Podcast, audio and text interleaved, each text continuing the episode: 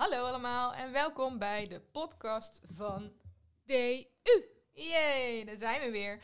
Dit is de editie 2022 en ik zeg het alvast. We gaan zo in het Engels praten. Vind je dat lastig? Uh, dan zijn er genoeg Nederlandse podcasts uh, uh, van ons, genoeg afleveringen waar je naartoe kan en die kan luisteren.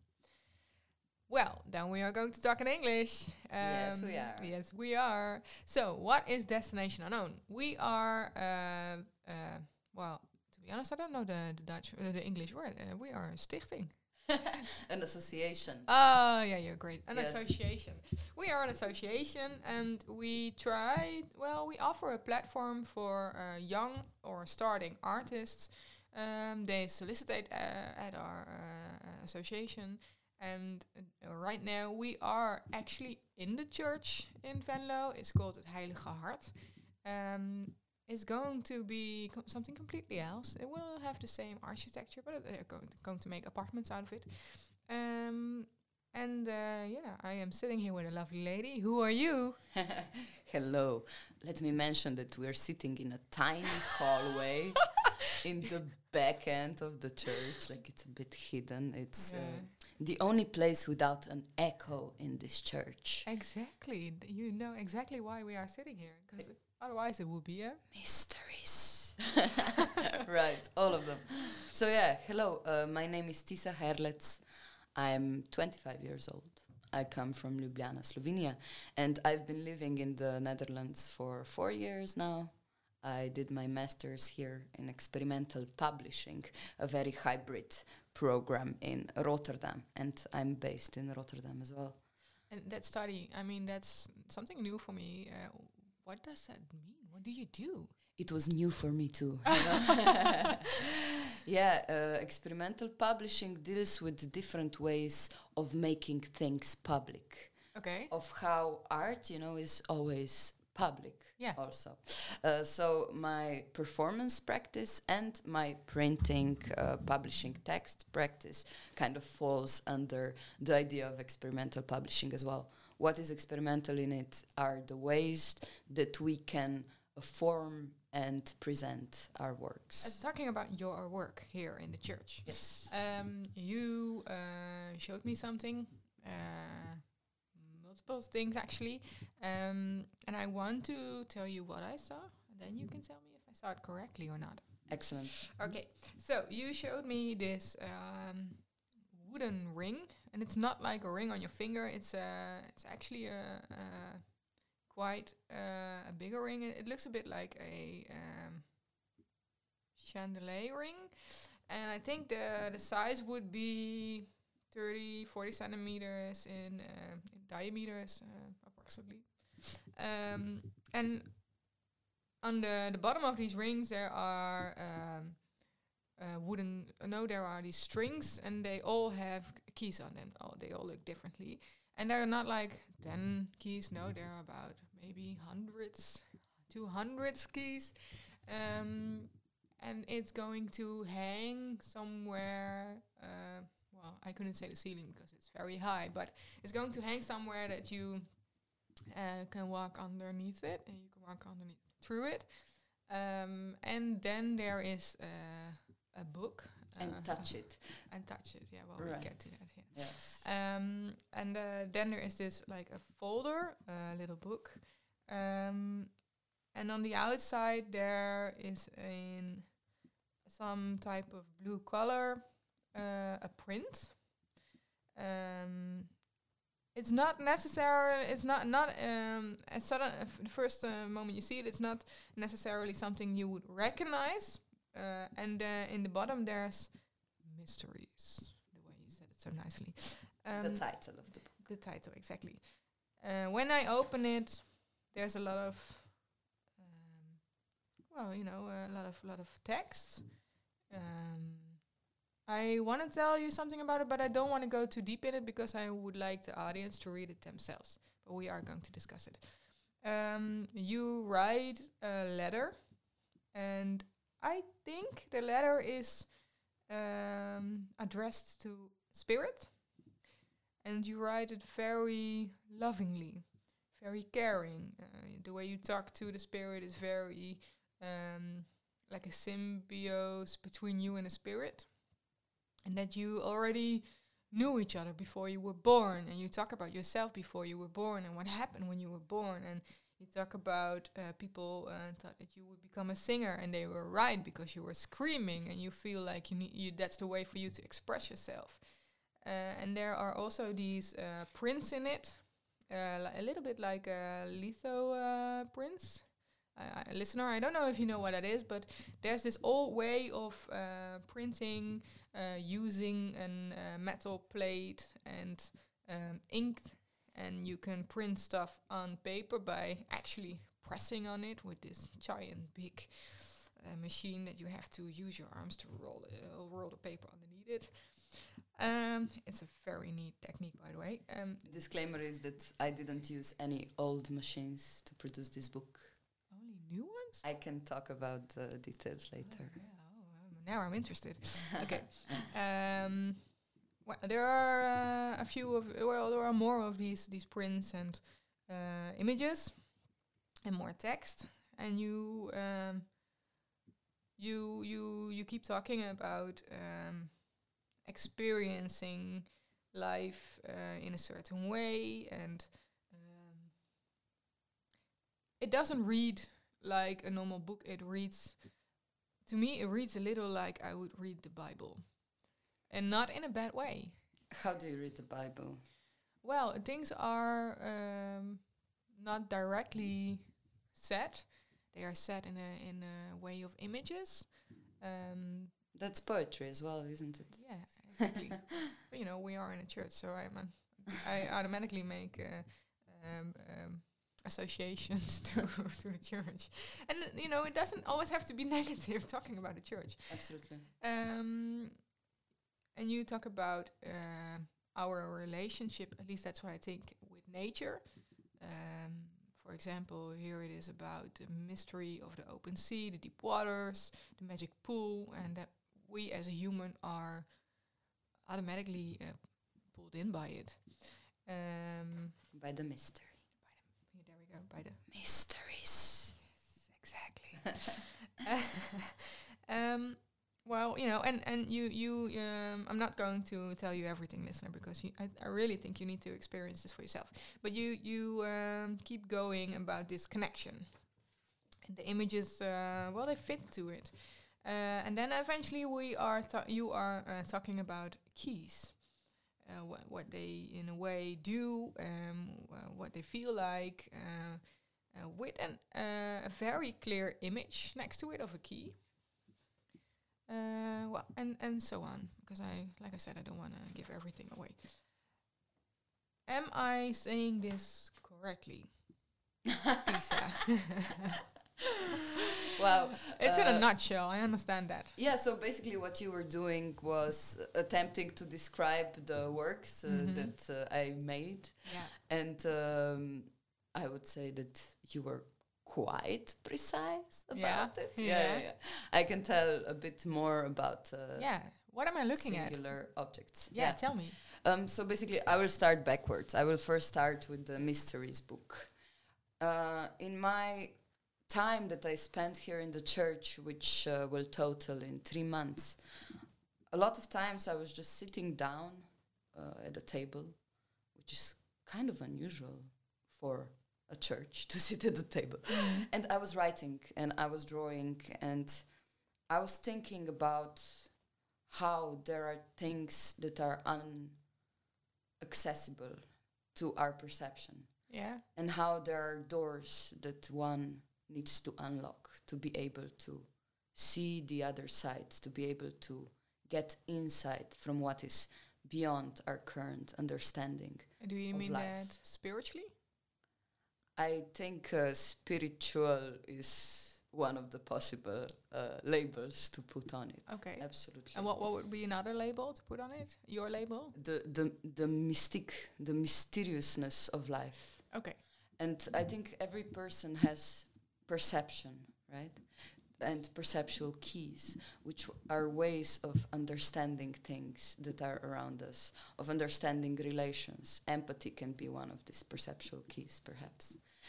And uh, through these means, we can get to know what we do not know yet and to locate the unknown in our perception. So, in a sense, I was thinking a lot about the spirit. This doesn't need to be the Holy Spirit of the Christian tradition. Mm-hmm. The spirit is uh, something that is embedded within us. Yeah, in our DNA or We all have it. yeah, Um, it, it is what makes us human as well. yeah. So I open the book with a letter to my spirit and to all the spirits out there. okay, not just your spirit. exactly. Yeah. I, I, I think that uh, by putting a very personal letter as a beginning uh, statement of this book draws the reader in because what is personal is also common Yeah. in a sense. We can understand humanity through the most personal ways of uh, expressing and of contemplating what is there. Can you give me an example of uh, wh- what you mean uh, by by that? Well, you, uh, if I listen um listen closely enough, you are uh, telling me that we as a human all have this connection with what what you call the spirit, Yes. a spirit. Yes. These um, um, and you can feel it and um, um, you can search for it, but um, can you give me an example of how you see that? It happens to me especially when I sing. And uh, in the Mysteries book, the voice is one of the keys for me that Mhm. unlocks the connection of me and the spirit. Yeah. So in in the deeply focused and relaxed state of vocalizing and singing, and I deal a lot with improvisation or with real-time composition, which means I do not predetermine what I'm going to sing. I simply sing Okay. when I'm there in front of an audience in a space. And I was singing a lot in this church as well, mapping out the space, sensing what is happening to my own body, what is happening in relation to space, and so on. And there were many moments in which I felt like some other presence was there, even if I was alone, the Mm. only body, yeah. physical materialization of the spirit in the space. Yeah. So I speak also about this, and I decided um, to, for the residency as well, to curate three concerts, three Mhm. concert evenings in which I will uh, present my solo vocal performance to the audience, as well as three different trio performances with two other musicians every night. Okay, that's wow, super interesting. And and you you sing uh, what you feel at the moment, Yes, how you experience it at the moment. It's all about the moment, yes. It's all about the present time because, okay, let me find a little quote in the book. One of the mysteries that I um, write about is also time. And these musicians, do they also play what they feel? Improvisers Yeah. always do, yeah.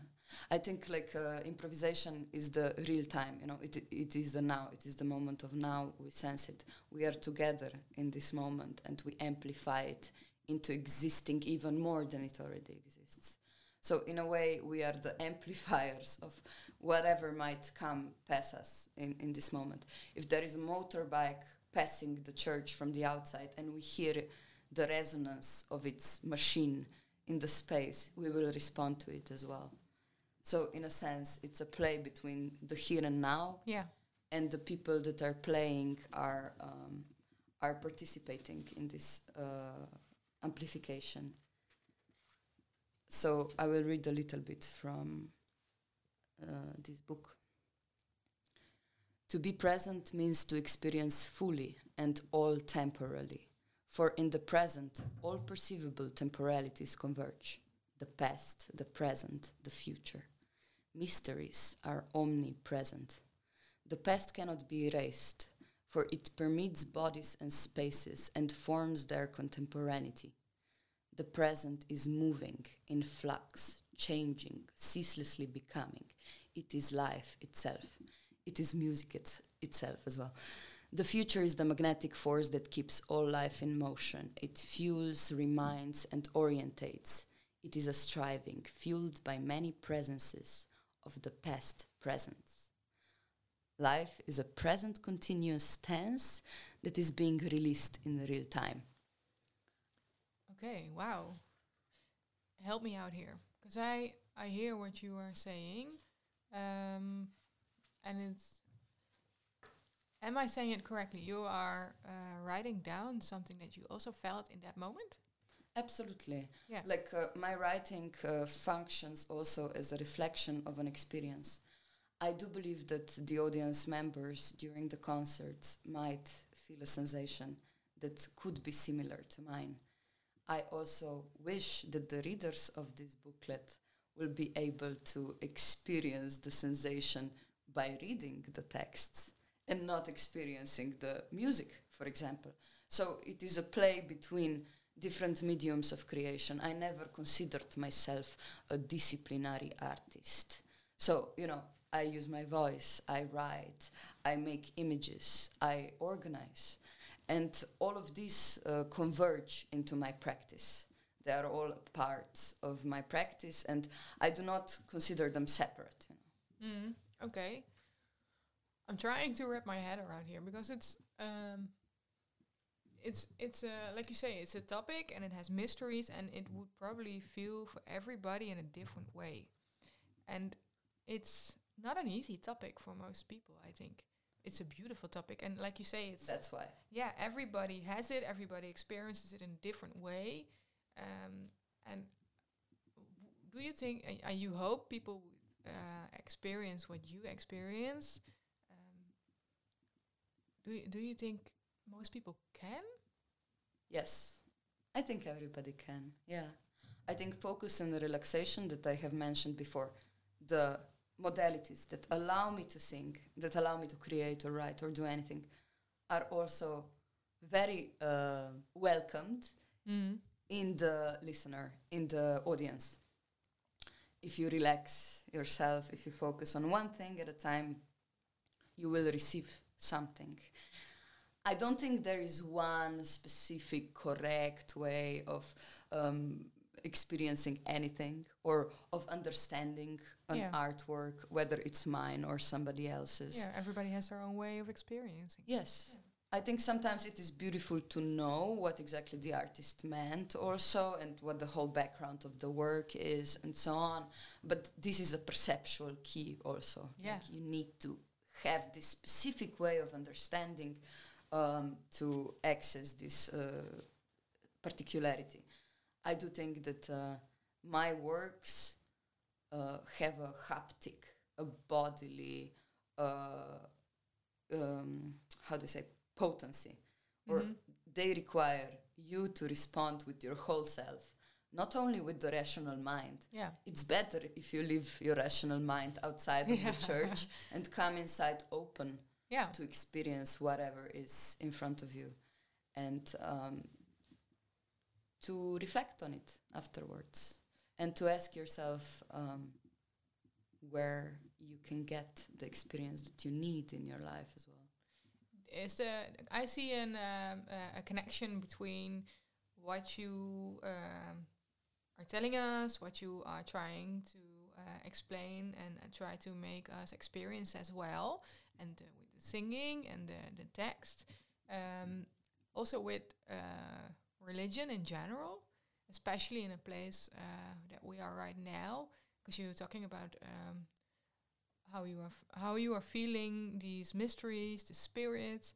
Um, is that intentional? Is is that just something that happened when you are here? Because I can un- I can understand that, uh, and I can only speak for myself right now. But when I would uh, sit there or listen uh, to you singing and the music and with the text, um, it would feel very uh, spiritual and um, very, of course, very deep. But um, something that is embedded in my DNA that I would eventually always think, wow, is there more in life? You know, that that's something that the question that we have around religion. Is that is that what you what you want? I wouldn't uh, mention religion in this conversation at all. I would mention spiritual spiritualism Yeah. or whatever it's called. So um, I'm not interested in like the formats of spiritualism that exist in the world. Okay, maybe I research them for fun, you know, Yeah. but I'm not a part of any cult or religion uh, as such. No. I'm an agnostic. I believe things exist. What those things are precisely, it's a mystery. exactly. Yeah. um, and uh, I, I find my own ways to enter into this space of mystery. And the church, it's like beautiful architecture and acoustic and the presence in the space. It's such a big space. Uh, it has some mystery in itself already. Mhm. So when people enter in this space and when they're faced with a work or uh, a singing performance, they will by default experience it differently than they would experience it in a jazz cafe stage setting or in a contemporary art gallery space um, of experimental concert. I do play in those spaces as well, you know, and I try to bring the situation of the spirit emerging in those spaces as well. Here in the Heilig Hart uh, Kerk Church, I have the support of the space as well, and I think it it potentiates, it expands my capability of expressing and communicating with the beyond and the un- unknown that I would like to get to know. I think this is why I uh, do improvisation quite a bit. It is a risky practice. Mm-hmm. There is a lot of boundaries of fear or impossibilities that I always trace in my activity. And my tendency is to get to know them and to expand my comfort zone rather than stepping out of my comfort zone. I don't think that's possible, but through the practices that I do, I'm expanding my own comfort zone. And when people are faced with such an activity as the public or as participants in some other things that I might be organizing, um, they can know that the expansion of the comfort zone is a possible acti- activity in life. Yeah. That it is possible to face your fear, that it is possible to step into the unknown and explore it. And, you know, always searching for this different thing, like something else that I don't know yet about, something that will make my life interesting and that will make your life interesting as well. Because in the sound, in the performative arts, we are together in the moment, in the here and now. We are experiencing together, even if you're not singing together with me. But uh, your presence in the moment is equally important as mine. Yeah, audience member Because they make you feel something, and they they they make you experience something, and you react in it in your own way. And imagine like a f- focus, attention is like a little string of light coming from every person in the room. Mm-hmm. And then I I take these strings and I amplify them out with my voice and then the whole room is uh, lit up by light, you know. So it is a play. Like whatever you give to me as the audience, I can give you back, and then we are in this situation together, and light is everywhere. for example, no? Yeah, exactly. Uh, okay, there's there's one other thing that's on my mind. We talked about these uh, these keys in in a, uh symbolic way, but you have them quite literally hanging. I have 200 keys. They're Yeah. hanging on a ring, on a wooden ring. They make beautiful sound when they uh, uh, uh, touch each other, when they tingle, mingle. Uh, I don't know how to say. Yeah, and you said before the idea is that people can touch them. Yes, they can uh, uh, stretch their arm and make a sound with them. It's a way to say a greeting to the church as well, to all the mysteries, to all the spaces that the keys used to unlock. Perhaps these doors don't exist anymore. I was collecting these keys from everywhere, you know. But not in the church, just for everywhere, everywhere in the world. Yes, Okay. Yeah, yeah, yeah. Not in the church. Uh, actually, we were only allowed to use the biggest um, Mm-hmm. part of the church. There's a lot of doors that are locked, Yeah. and we have no idea what is there. but the spirit knows.